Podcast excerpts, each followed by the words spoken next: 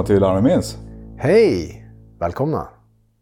Jag heter Daniel Brander. Och jag heter Trösti Brege. Och eh, Trösti, vad jobbar vi med? Vi jobbar som brandmän eh, och har, är befäl också.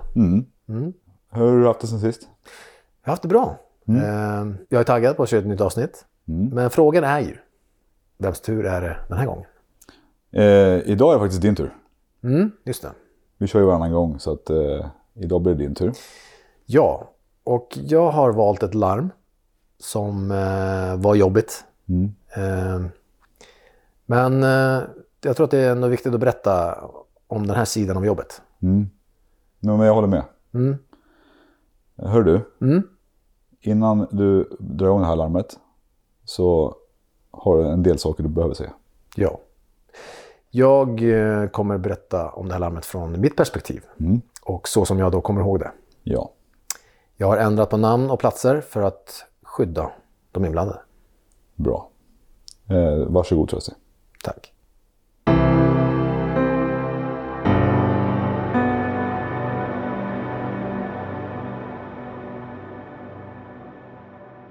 När man jobbat som brandman i många år förväntas man ta hand om och handleda sina nyare, ofta yngre kollegor. Man ska dela med sig av sina erfarenheter och vara en trygg punkt för dem när det blir skarpt läge på larm. Visst, man känner sig aldrig riktigt färdiglärd i det här yrket. Men man har ofta någon erfarenhet från liknande larm man kan dra nytta av. Jag är rökdykarledare det här dagpasset och har med mig två rätt så unga rökdykare. Eller de är unga jämfört med mig i alla fall. Ellen och Lelle har redan hunnit jobba några år. Men är båda rätt så nya i de roller som de har blivit tilldelade i brandbilen idag. Det gör att jag förväntas vara ett stöd och en mentor för de två. Men helt ärligt så vet jag att de båda är riktigt duktiga på sitt jobb. Så mitt jobb idag känns rätt så enkelt. Vi är på väg hem från ett automatlarm på en förskola när vår larmcentral plötsligt ropar ut numret på vår brandbil på larmradio. Vårt befäl Sundqvist greppar mikrofonen och svarar.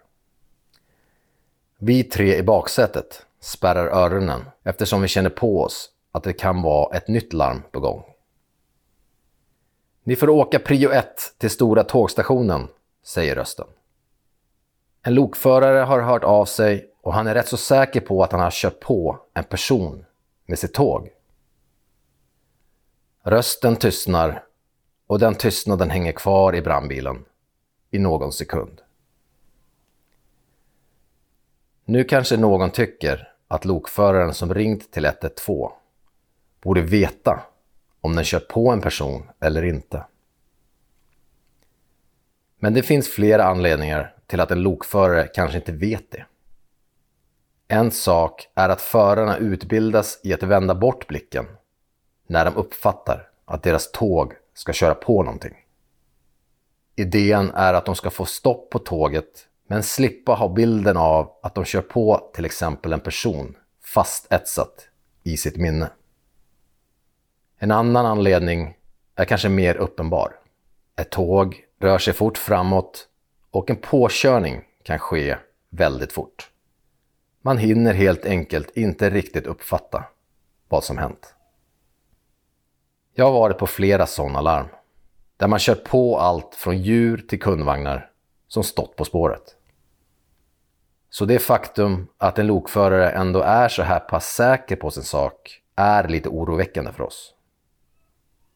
Sundqvist trycker in sändknappen till radion. Det är uppfattat. Betyder det att olyckan är vid perrongen? frågar han.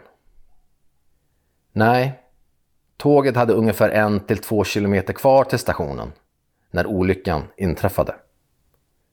Tåget står nu alltså stilla ett par hundra meter före tågstationen. Men enligt lokföraren går tåget att se från perrongen, avslutar rösten. Okej, då åker vi till stora tågstationen och följer spårvägen till fots, bort till tåget, säger Sundqvist. Vår chaufför slår på blåljusen och sirenerna på brandbilen, gör en U-sväng och vi börjar åka mot tågstationen. Men det är fler än vi på väg dit. Flera av våra ledningsbilar är larmade, men även polis och ambulans. Vi i baksätet börjar fundera över vad vi kan vänta oss när vi kommer fram till olyckan.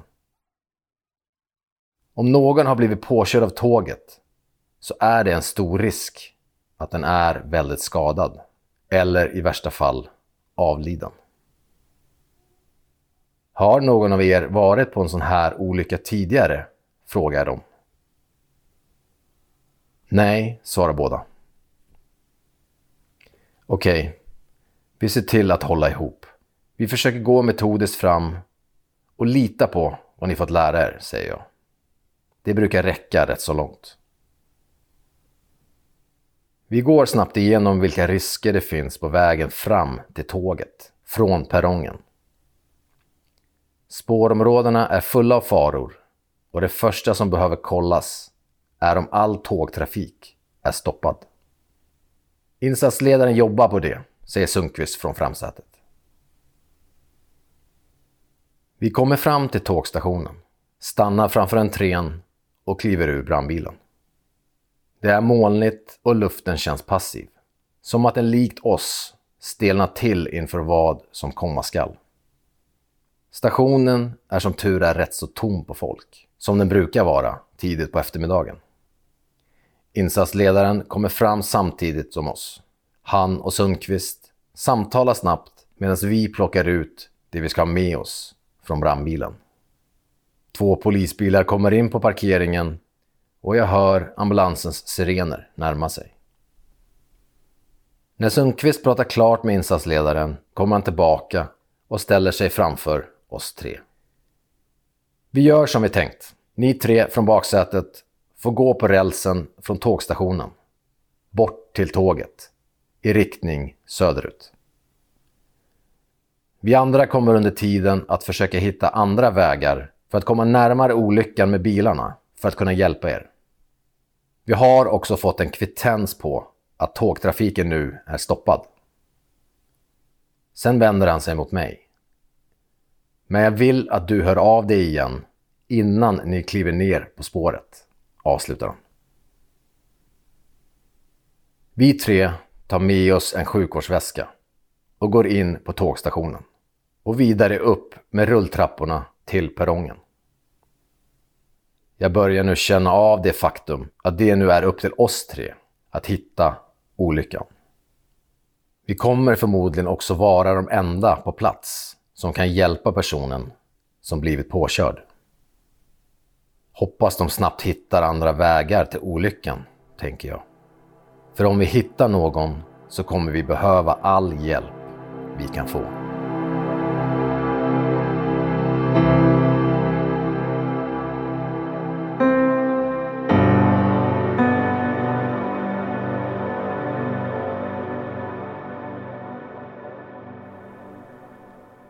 Vi kommer ut på perrongen och jag kan inte se en enda person på den enorma tågstationen. Det finns två perronger och minst fyra tågspår på den här tågstationen. Och det är helt tyst. Jag, Lelle och Ellen stannar vid perrongens kant och tittar söderut. Vi kan se att det står något på spåret. Långt bort i fjärran. Är det ett tåg som står där? frågar jag. Jag tror det, svarar Ellen. Fan, det är en bit att gå i så fall, säger Lelle. Jag ropar till Sundqvist att vi vill gå ner på spåret och att vi förmodligen ser tåget från där vi står. Vänta där, jag vill bara dubbelkolla trafikstoppet först, säger han. Jag ser mig omkring och ser att alla trafikljus står på rött, vilket är ett bra tecken. Har ni några funderingar? frågar jag kollegorna. De är tysta en stund tills Ellen säger Vad gör vi om vi hittar en skadad person? Vi kommer ju att vara mitt ute i ingenstans. Innan jag hinner svara ropar Sundqvist att vi kan gå ner på spåret och börja gå mot tåget. Han berättar också att polisen hittat en annan väg till olyckan från andra hållet. Så vi kommer förhoppningsvis mötas någonstans vid tåget. Vad bra, tänker jag. Då blir vi förmodligen några till på platsen som kan hjälpas åt om vi hittar något. Vi går ner på spåret och börjar gå mot det vi tror är tåget. Vi går mitt på spåret där det är lättast att gå. När vi gått en bit inser jag att det är längre än vad vi trott till det stillastående tåget. Tåget är nog minst en kilometer bort och det finns ingen möjlighet att röra sig snabbare på det här underlaget. Jag tänker att det kan vara ett bra läge att prata igen med kollegorna om vad som kan vänta oss där framme och även gå igenom vad vi behöver göra på vägen fram. Vi tar kontakt med lokföraren när vi passerat tåget, börjar jag. Sen kontrollerar vi under tåget om vi kan hitta något där. Om vi inte hittar något där får vi gå vidare i riktningen tåget kom ifrån, avslutar jag. Ellen och Lelle har lyssnat och vi går en stund sen i tystnad. Men om vi hittar någon skadad, var är det troligast att den ligger, undrar Ellen? Fast under tåget eller vad då? Jag har åkt brandbil i över 18 år när jag går där på spåret. Jag har varit på många larm när lokförare antingen sett saker på spåret eller när de kört på någonting. Nu är det läge att plocka fram mina erfarenheter och dela med mig, tänker jag. Men mitt minne vill inte plocka fram någon erfarenhet, vilket först förvånar mig. Men sen inser jag att det beror på en enda sak. Att jag inte har någon. Jag har varit på påkörda älgar och andra stora djur över åren. Jag har gått många kilometer på de här spåren och letat efter saker som inte funnits där. Men en påkörd person av ett tåg har jag faktiskt aldrig behövt uppleva. Det är såklart en positiv sak. Men något jag håller för mig själv så länge, tänker jag. Det är nog lite olika, svarar jag till slut. Och vi kan nu höra tågets olika system göra ljud ifrån sig. Vi bestämmer oss för att jag tar den ena sidan av tåget och Ellen och Lelle den andra. Om en lokförare ger sig till känna får man fråga vad den vet innan man går vidare, kommer vi överens om.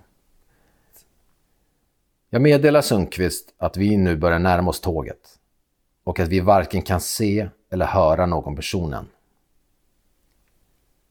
Men något gör att vi stannar upp när vi kommer fram till tåget. Det är en röd fläck längst fram på tågets ljusgråa, nosformade front. En fläck som är svår att tyda. Men känslan kommer över oss att något kan ha hänt. Frågan är bara vad.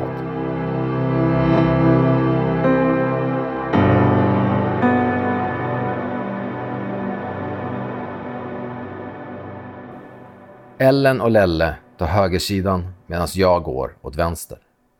Jag går sakta längs med tåget och försöker hitta tecken på att något har hänt. Tåget ger ibland ifrån sig de bekanta pysande och brummande ljuden och sen blir det tyst igen. När jag gått några vagnlängder tittar jag upp mot ett av tågens fönster och ser två personer sitta där och titta tillbaka på mig. Just fan, tänker jag. Tåget är ju fullt av folk som bara sitter där och väntar. Jag tycker att de ser tagna ut, så jag misstänker att de blivit informerade om varför tåget står stilla. När jag gått hela tågets längd möter jag upp kollegorna bakom tåget. Har ni sett någon lokförare? frågar jag. Ja, vi pratade med honom, säger Lelle. Han såg rätt så skärrad ut. Okej, vad sa han? frågar jag. Han sa bara att han kört på en person borta vid tunnlarna, svarar Lelle. Ja, och han lät rätt så säker på sin sak, säger Ellen. Jag meddelar mitt befäl vad vi hittills gjort och att vi nu ska gå vidare mot tunnlarna. Sundqvist berättar att polisen börjar närma sig tunnlarna från andra hållet. Resten av brandbilarna och ambulanserna har också hittat en annan väg för att kunna köra närmare olyckan. Men de kommer behöva köra runt en bra bit, så än så länge är det bara vi där. Okej okay, hörni. Jag tror tyvärr att vi får förbereda oss på det värsta, säger jag. Vi kan se tunnelmynningen några hundra meter bort. Den molnbeklädda solen har börjat leta sig under horisonten och vi börjar tappa en del av dagsljuset. Tunnelmynningen är som ett svart gap in i berget. Vi har nu gått ett tag och hör mindre och mindre av ljuden från tåget. Tystnaden lägger sig över spåren. Det enda vi hör nu är våra fötter som trycker ner mot makadammet. Tystnad kan av erfarenhet i yrket vara ett väldigt bra tecken. Det skulle kunna betyda att det aldrig varit en person här. Men det kan också vara dåligt. En skadad person som är tyst är aldrig ett bra tecken. Vad är det där blåa som ligger där framme? frågar Ellen plötsligt. Jag stannar upp för att kunna fokusera blicken. Det ser ut som kläder, säger jag tveksamt. Vi börjar nu omedvetet gå fortare i spåret och vi närmar oss snabbt det blåa som ligger där framme. Desto närmare vi kommer, desto fler tygstycken ser vi utspridda runt spåret. Vi stannar och blir stående i några sekunder. Jag för min hand mot min radio och trycker på sändknappen. Sundqvist, har vi kontakt? Ja, kom igen, svarar han. Vi har hittat en påkörd person.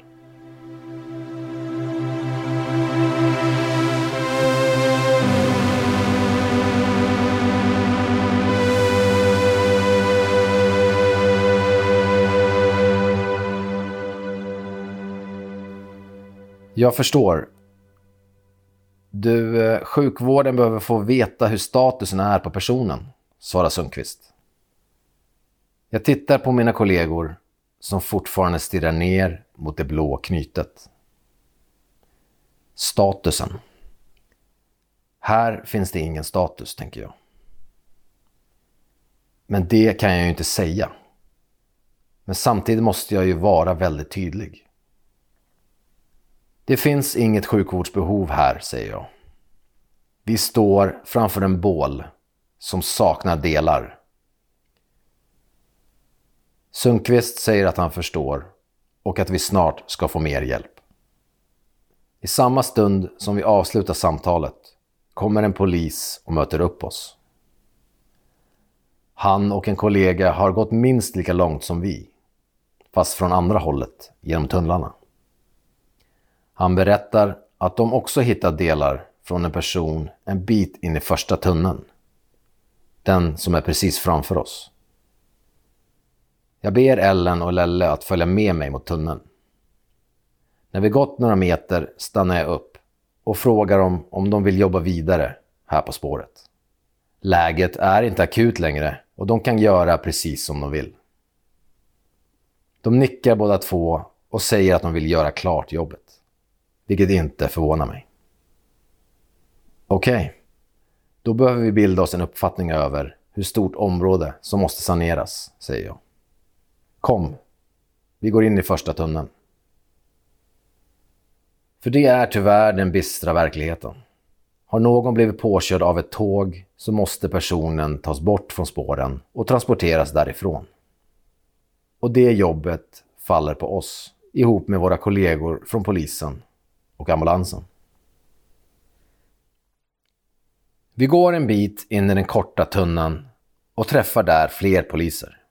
De har en rätt så god uppfattning av vart olyckan inträffade, så vi behöver egentligen inte leta så mycket längre in i tunneln, säger de. Det är en öppning på 100 meter mellan den korta tunneln vi står i och den längre tunneln som kommer efter. Och det är i öppningen mellan tunnlarna som personen tagits in på spåret innan olyckan.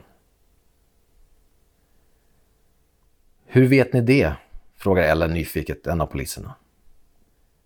Han vänder sig om och pekar bort mot nästa tunnel. Ser du den lilla stenmuren precis till höger om tunnelmynningen? frågar polisen. Där hittade vi ID-handlingar och ett brev som han förmodligen la där precis innan han klev ut framför tåget, avslutade han. Att personen skulle ha hamnat framför tåget av en olyckshändelse var det nog ingen av oss som trodde innan. Men nu blev det verklighet även för oss. Någon har tagit sitt liv här mellan tunnlarna. Fler brandmän anländer och det är dags att börja det stundtals overkliga saneringsarbetet. Vi går runt bland tågspåren med plocktänger och försöker göra ett så noggrant arbete som möjligt. När vi lastar in de större kroppsdelarna i säckar får vi hjälpas åt att lyfta dem med händerna. Det är en kuslig känsla som infinner sig när jag håller på där. Inget av det här känns riktigt rätt. När vi är klara lastar vi i säckarna i en ambulans. När den börjar rulla iväg på den smala grusvägen kan jag bara tänka på hur sorgligt det hela är. Det är verkligen orättvist att någon ska behöva må så dåligt att det här känns som den enda vägen ut.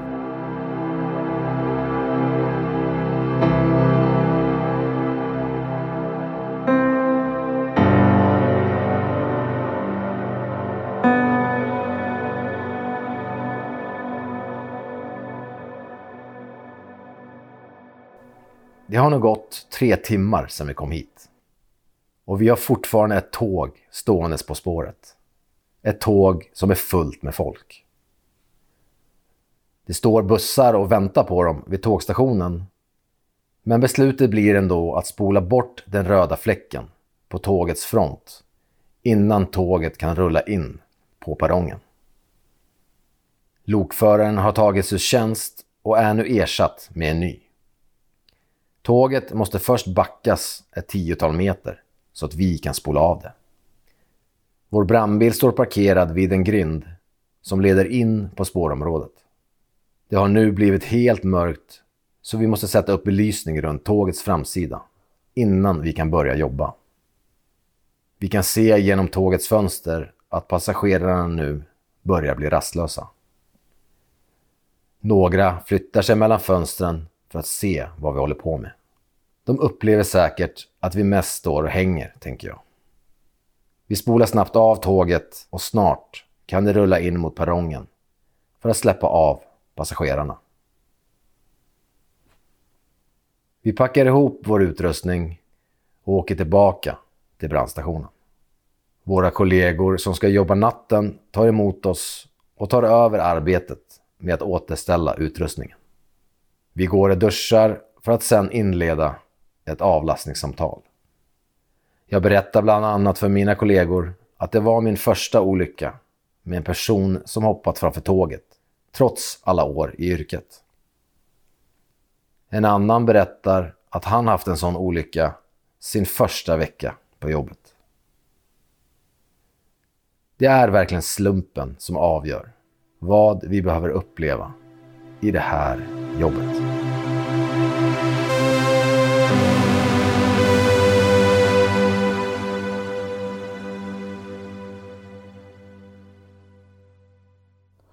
Ja men Trusty, tack för det här. Mm. Men hur var det att åka på det här larmet? Ja, det var ju väldigt speciellt. Uh, och det är ju flera saker ju, alltså. Jag tar ju med mig väldigt mycket bilder mm. från det här larmet måste jag säga. mer än kanske många andra larm. Eh, ja, vad ska man säga? Ja, det är Eh. oerhört tragiskt. Ja, det är verkligen jättetragiskt. Så det är väldigt många komponenter i det här, i det här larmet som eh, är jobbiga liksom. Ja, Eh, det gick bra ändå tyckte jag, för vi, återigen, det här med skalet. ja, Jag tycker, tycker ändå att det höll bra på det här larmet. Sen hade vi ju avlastningssamtal efter och, och det var ju väldigt skönt att ändå kunna berätta liksom att, att det var även första gången för mig, för det tror inte jag någon trodde ens. Nej, men du är lite inne på det här. Du, jobbar, du har jobbat ganska länge i brandkåren när det här larmet kommer. Ja, Och dina kollegor tror väl kanske i det här läget att du har erfarenhet av det här. Fast du inte har det. nej men exakt. Alltså jag har ju goda erfarenheter av spår i miljön. Ja, Eh, jag menar, jag har varit letat efter, de har, någon har trott att de har kört på saker, det har jag ju gjort många gånger. ja, Eh, det har sprungit folk på spåren, eh, har vi fått hjälpa till med ibland. Eh, att leta efter dem. Eh, man har kört på älgar och så vidare. ja, Men inte att det har varit en påkörd person. Eh, vilket är... Och då kanske man kan tycka, men vad är det som är så märkligt med det? Och det som är märkligt med det är ju att det här är ju inte ett ovanligt larm för oss. nej det är ju inte det. Tyvärr. Eh, Men när, när vi är inne på det med, med suicid då. mm, Känner man att man har de tankarna mm. så finns det ju faktiskt hjälp att få. Ja, men det gör det ju verkligen.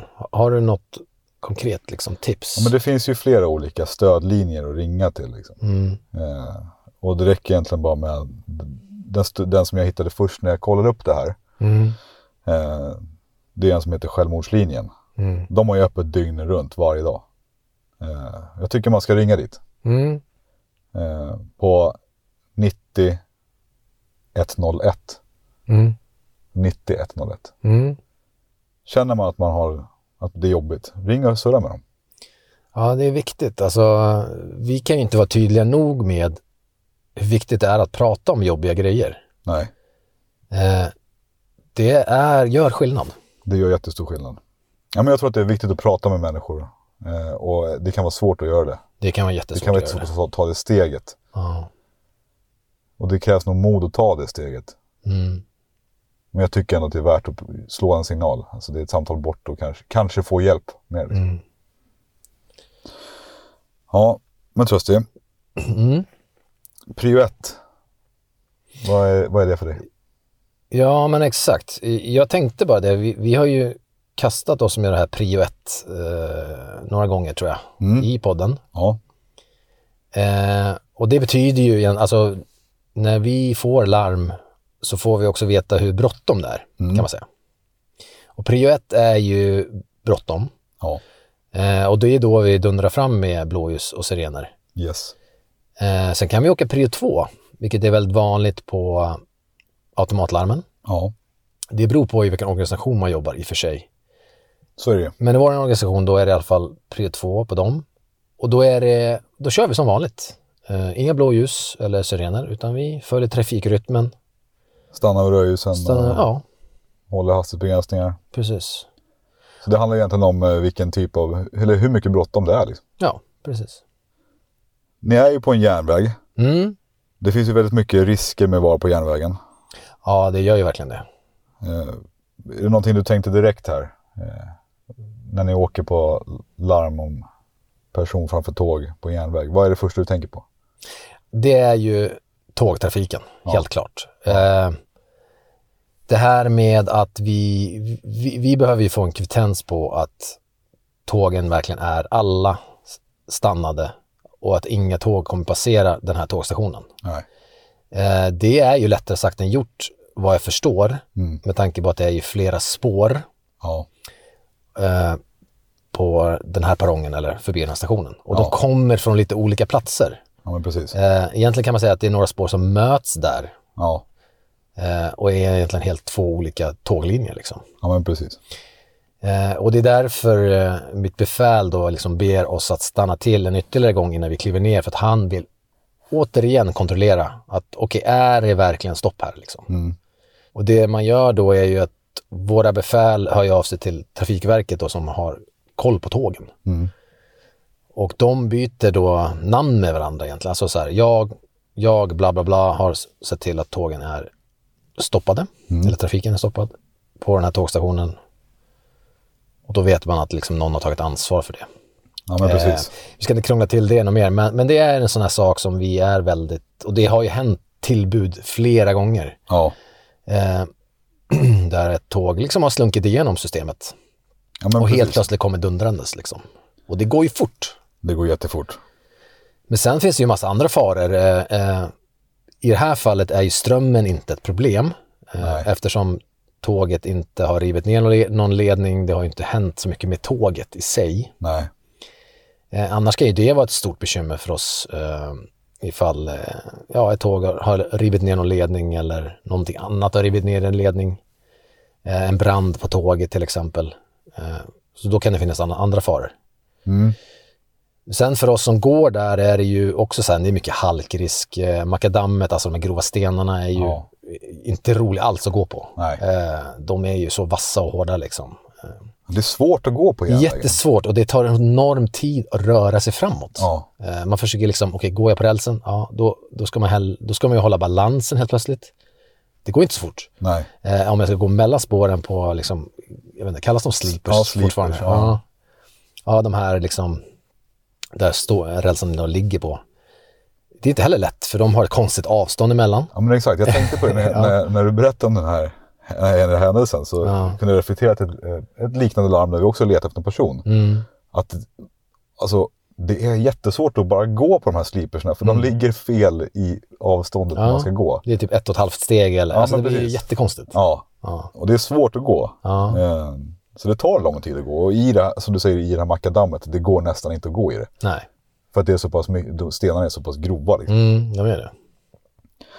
Men sen har vi ju, eh, det finns ju faror med växlar och sådana grejer också. Det finns mycket, liksom, järnvägen är ju stökig att jobba på. Liksom. Ja, och den är ju en plats vi liksom är, alltså vi är ju gäster på den. Ja. Eh, och, eh, det kan gå lång tid emellan att man är där så man kan glömma bort vilka risker man ska se upp för och sådär. Så att det är ju en plats vi måste vara väldigt observanta på när Ja. vi hamnar där.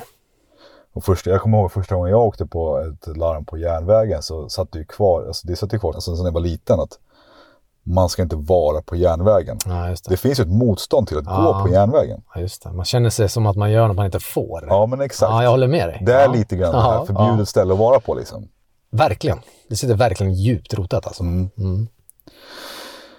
Eh, men vi jobbar ju en del på järnvägen. Mm. Eh, och i det här fallet så får ni sanera på järnvägen.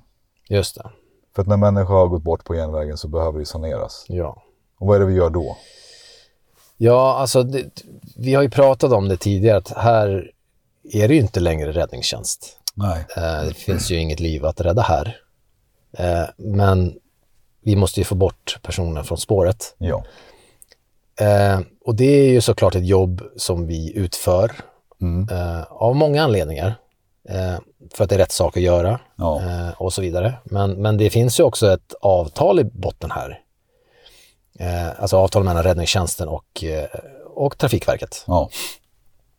Och, och, det, och det handlar ju också om att göra rent banvallen, men också göra rent tåget. Ja. Alltså i ett akut läge.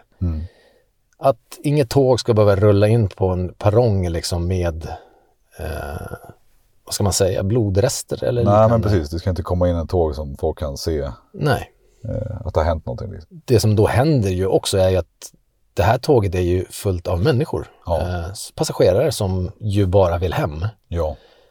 Eh, men de får ju liksom snällt att sitta och vänta tills vi är klara liksom. Ja. Och perrongen är ju läskigt nära dem. Jag, kan, jag, jag kan tänka mig att sitta på det där tåget, men perrongen är ju där borta liksom. Ja. Eh, men ingen får ju lämna tåget. Tåget åker ju ingenstans på flera timmar. Nej. Men vi kan inte heller ta ut människor och evakuera dem Nej. från tåget Nej. i det här läget. Liksom. Det går inte.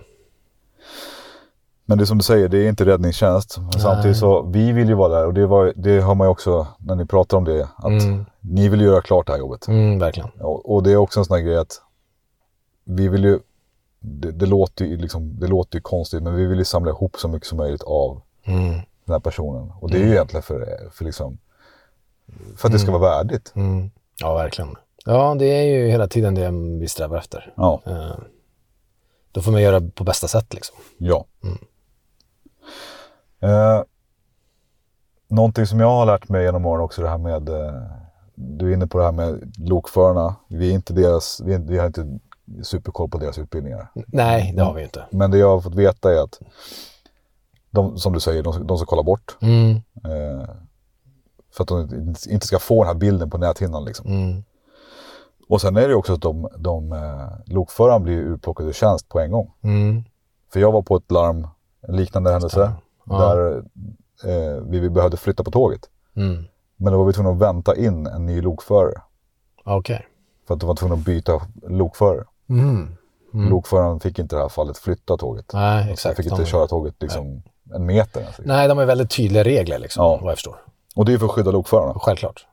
De ska inte känna att de behöver göra vidare, saker liksom. när de egentligen inte kanske är kapabla. Liksom. Nej, de behöver ju också få sitt stöd. Liksom. Verkligen. Det är ju, vad jag förstår, så är ju lokförare en drabbad grupp Ja, av de här olyckorna. Eh, det här sker ju tyvärr ofta. ja. Alltså, vad är ofta? Okej, det vet jag inte riktigt. Men Nej, men för ofta. för ofta. Eh, oftare på vissa platser än andra, såklart. Ja, Eh, så det är ju en obehaglig del av deras jobb. ja Trösti. Vi har fått in lite frågor. Mm, okej. Vi har fått in jättemycket frågor. Jaha. Eh, Jaha. Hinner vi med alla tror du? Ja, men jag tycker att vi tar några stycken och sen så sparar vi något till nästa gång också. Mm, okej, Eh, kör. och som vi har sagt i, i, innan, skicka frågor för att jag menar, vi läser allt, vi svarar på allt. Mm. Eh, Svarar vi inte på podden så svarar vi på, på mejlen. Ja, men exakt. Ja, vi svarar på allt. 100 procent. Vi har fått in en fråga eh, angående det här med klaustrofobi Okej, och höjdrädsla i brandkåren. just det. Hur, liksom, hur pass klaustrofobiskt och höjd, höjdrädsla kan påverka oss i jobbet. Mm. Men vad kan vi säga om det egentligen? Om klaustrofobi? Eh, ja, ehm, alltså när man söker jobb så testas man ju för det. Ja, Eh, jag skulle säga att om man lider av klaustrofobi eh, så är ju vårt jobb en enorm utmaning. Ja. Jag skulle inte rekommendera att göra vårt jobb om man har klaustrofobi. Eh, däremot vet jag att vi har haft sökande som inte klarat klaustrofobitesterna eh, men sen kommer tillbaka något år senare mm. och klarat dem galant. ja. Så att klaustrofobi är ju någonting man kan jobba med. ja men det är ju det. Eh, Jag vet inte exakt vad de personerna gjorde, men det går ju att jobba bort så att säga. Ja. Och jag menar, det är ju samma med höjd egentligen också. Mm. Höjdrädslan. Att, så det man ska tänka på när man gör de här testerna, Mm, det är ju att man ska försöka, alltså det är, jätte, det är lättare sagt än gjort. Men, självklart, självklart. men det försöka behålla lugnet. Mm. Om man tänker på våra höjdtester exempelvis, så sitter man ju fast, alltså man är fastsäkrad. Mm. Så man kommer inte klättra upp 20 meter och ramla ner. Så ingenting kommer ju egentligen hända. Nej. Men det, det finns ju moment i jobbet som har både liksom, inflik av klaustrofobi och höjdrädsla. Eller höjder liksom. Mm, Det har vi i jobbet. mm, Men som vi sa, alltså, jag tror att det mesta går att jobba på. Liksom. Om man verkligen vill bli brandman så ska man inte... Försök, man får, får försöka jobba på det lite grann. Ja, men jag tycker det kan vara, verkligen vara värt ett försök. Eh, Mm. Alltså jag minns ju själv första gången jag var uppe i ett av våra höjdfordon. Alltså det är klart att min hjärna så här tycker att det är märkligt för när man tittar ner från 30 meter, Ja. då är ju brandbilen jätte, jätteliten där nere. Alltså det tänker jag varje gång jag testar vår stegbil. Och då är det ju så här, då tänker hjärnan så här, okej, men hur kan den där lilla leksaksbilen hålla mig liksom och den här stegen upprätt? Ja. Den borde ju bara blåsa omkull. Så det är klart att det är så här, är, man måste ju vänja sig vid vissa saker. Ja. Så är det ju. Och jag det lita på utrustningen. Ja, ja, men verkligen. Det är ju jättemärkligt för hjärnan att lägga ihop det här pusslet. ja. Eh, ja, det, men det går. Så jag fick in en, en, fråga här. Eh, jag har faktiskt svarat på den här på, på mejlen också. Men vi drar den här. Mm, Eh, shoot. För att jag känner att jag måste svara på den här på en gång. Mm, Okej. Eh, det var en kille som hörde av sig till mig och frågade om han var för gammal för att söka till SMO. Mhm. Alltså den här skydd mot olyckor som man kan plugga till för att bli brandman. Just det. Ja. Och då hur? Ja, han, han, han var 30 år. 30 år? Ja. Han skulle vara typ 33 när han Nej. var klar. Ja. Ja, Okej, ja, men eh, vad sa du då? Nej, men jag, jag var, det det jag kände jag måste svara på Ja, en gång. det- För att alltså, det är absolut inte för Nej, gammalt för nej, att bli nej, brandman. nej, nej, nej, nej. Jag tycker det är jättebra ålder. Ja. Alltså, det är perfekt ålder. Perfekt. Ja. Så han har jobbat lite grann säkert med, alltså han har jobbat med andra yrken, han har fått lite lip, eh, arbetslivserfarenhet.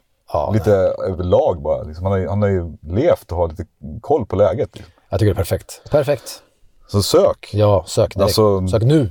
Sök nu på en gång. Ehm, och man kan koppla till att vi har ju anställt folk som är, som är liksom 45-50 Ja, ja, år. ja, ja, ja. ja. Så att jag ja. menar, det är bara att söka. Det där, man ska inte hänga upp sig på ålder i det här jobbet. Det tycker jag är helt, helt onödigt. Nej, det är en erfarenhet av med sig. Ja. Eh, sen har jag fått lite roliga frågor här också om, eh, jobbar vi på samma skift? Tror du? Mm, ja, vi jobbar i samma vaktlag. Exakt. Eh, som betyder ju att ja, vi jobbar i samma skift. Ja, vi jobbar på samma vaktlag. Ja. Eh, och har jobbat på samma vaktlag nu i nästan tre år eller? Ja, snart fyra faktiskt. Ja. ja. Eh, Det har gått fort. Det har gått fort. Ja. Vi har ju känt varandra, betydligt längre. Mm, det har vi gjort. Men, vi, har, eh, varit- vi har ju varit kollegor mycket längre än så. Ja. Men vi jobbar, på samma, vi jobbar på samma vaktlag. Mm. Ett härligt gäng faktiskt. Ja. Eh, och så fick jag också in den här frågan om vi roterar på olika stationer när vi jobbar. Just det. Och Vi jobbar i ett stort, det har vi sagt, vi jobbar i en stor organisation. Mm, många brandstationer. Ja. Mm. Och det gör vi ju faktiskt. Det gör vi. Fast vi roterar inte, vi, vi roterar inte dagligen liksom. Nej, utan det är ju mer när det uppstår personalbrist på någon station så åker vi ju, någon av oss dit och hjälper till eh, och täcker upp.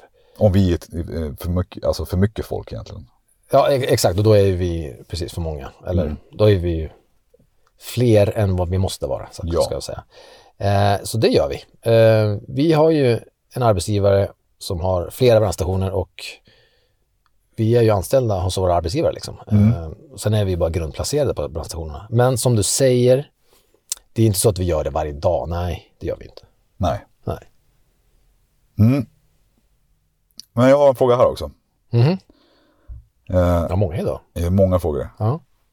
Eh, Har vi åkt på larm någon gång där vi, där vi varit rädda för vår egen säkerhet? Ehm, det beror lite på vad man menar tror jag. Eh, säkerhet som i... eh, för jag tänker säkerhet kan ju handla om, eh, alltså, eh, vad är hotet? Eh, är hotet andra människor? Alltså tänker man Ja, just det, du tänker så ja. våld, eh, hot? Eller tänker man säkerhet som är att nu ramlar jag ner för stegen här eller? Ja. Eh, ska vi välja någon? Ja, men vi väljer väl, eh, jag tycker vi väljer alltså hot med, med själva larmet i sig. Alltså typ rökdykning då. Ja, just det. Vad känner du där? Ehm, Har du varit orolig någon gång du åker på larm? alltså, För att du ska skadas eller liksom? det är svårt att komma på det.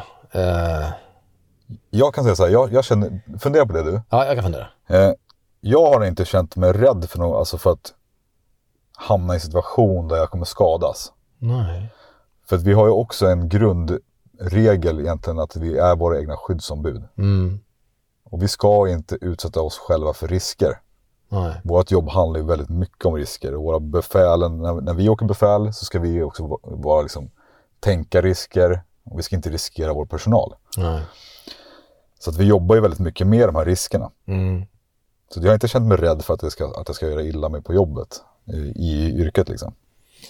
Nej, alltså jag måste nog hålla med dig. Eh, det känns konstigt att det inte finns något, men det är samtidigt, då har vi lyckats. Ja, Eh, vi, som du sa, vi har ju väldigt hög riskmedvetenhet och vi är ju försiktiga, tycker jag ändå. ja, Sen ibland får man ju tumma lite på säkerheten för att rädda någon. Alltså, alltså känner vi att vi kan rädda någon i brand till exempel, då tar vi ju egentligen större risker.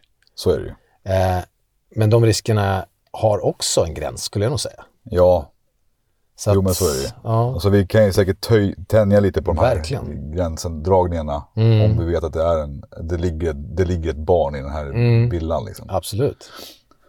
Men samtidigt så har vi med oss så mycket grejer för att kunna hantera riskerna. Ja, Så att, det är det. ja, Det är det. det är svårt. Mm. Ja, det var de jag hade idag. Mm. Och vad tycker du att vi ska Just. göra om man, alltså vad tycker vi, vad tycker du om de här frågorna? Alltså jag, jag tycker det, alltså det är ju fantastiskt med de här frågorna. Ja. Eh, och jag tycker att ni ska skicka in fler. Ja. Och vi, det är ju bra frågor alltså. Det är jättebra frågor. Och vi fick jättebra frågor när vi jobbade det här dygnet sist. Ja, just det. Tack för den förresten på ja. Instagram där. Det var ju, alltså du, du, du, du skötte ju den, jag måste ändå erkänna att du tog ju största ansvaret där. Jag var ju manisk. Jag var ju tvungen att svara på alla frågor. Eh, du pausade ju mellan larmen men... Eh, ja. Ja, det, det gjorde du bra och det gjorde faktiskt våra lyssnare fantastiskt bra. Ja, eh, vi tackar kul för det. frågor, ja. Det var jättekul. Men om man vill skicka in en fråga då? Ja, vi har ju en mail mm. som heter ju hej larmviminst.se. Ja. Säger man snabel ja. Säger man ät eller? Man kan säga snabel eller ja. så säger man ät. Jag tror ni fattar vad jag menar. Sen har vi ju andra kanaler. Som ni måste följa oss i. Mm, och vilka är det då? Instagram, mm. Larmvinst mm. och Facebook. Och Facebook. Samma namn där. Jajamän. Gå in och följ oss. Ja, eh, vi hoppas ju att ni ska få åka med ibland sådär i jobbet. Eh, I mån av tid. I mån av tid, ja. Eh, det, vi, vi försöker ju i alla fall vara lite aktiva när vi, ja. när vi jobbar. Sen när är, vi får för chefen. Sen går, ja, sen går ju jobbet före såklart. Ja. Men eh, också det här med, det här är också en podd. Mm. Eh, så att följ oss i din poddapp. Ja. Så att du inte missar avsnittet mm. som kommer. Eh, ja. Det är väl det va? Eh, ja, det är det. Det här var ju ett tungt avsnitt ska vi påminna om. Ja. Eh, och, och det, vi... Jag måste säga så här, det, det, är, jag tycker att det är svårt att prata om det här. Mm, jag känner det berör, samma. Alltså det, blir, det blir tungt att prata om sådana ja, grejer. det blir svårt. Jag tycker det är svårt. Så att vi, vi kan väl säga redan nu att alltså, det var tungt att prata om det här efter snacket idag. Ja, det här blev en speciell inspelning tycker jag. Ja. Eh, speciellt i början. Ja, men det är ett, det är ett ämne som är tungt. Mm. Så att, eh, ja. Men vi kommer snart tillbaka med ett nytt larm. Yes. Tills dess, Brander, har det så gott. Ja, detsamma. Mm. Tack för idag. Tack för idag.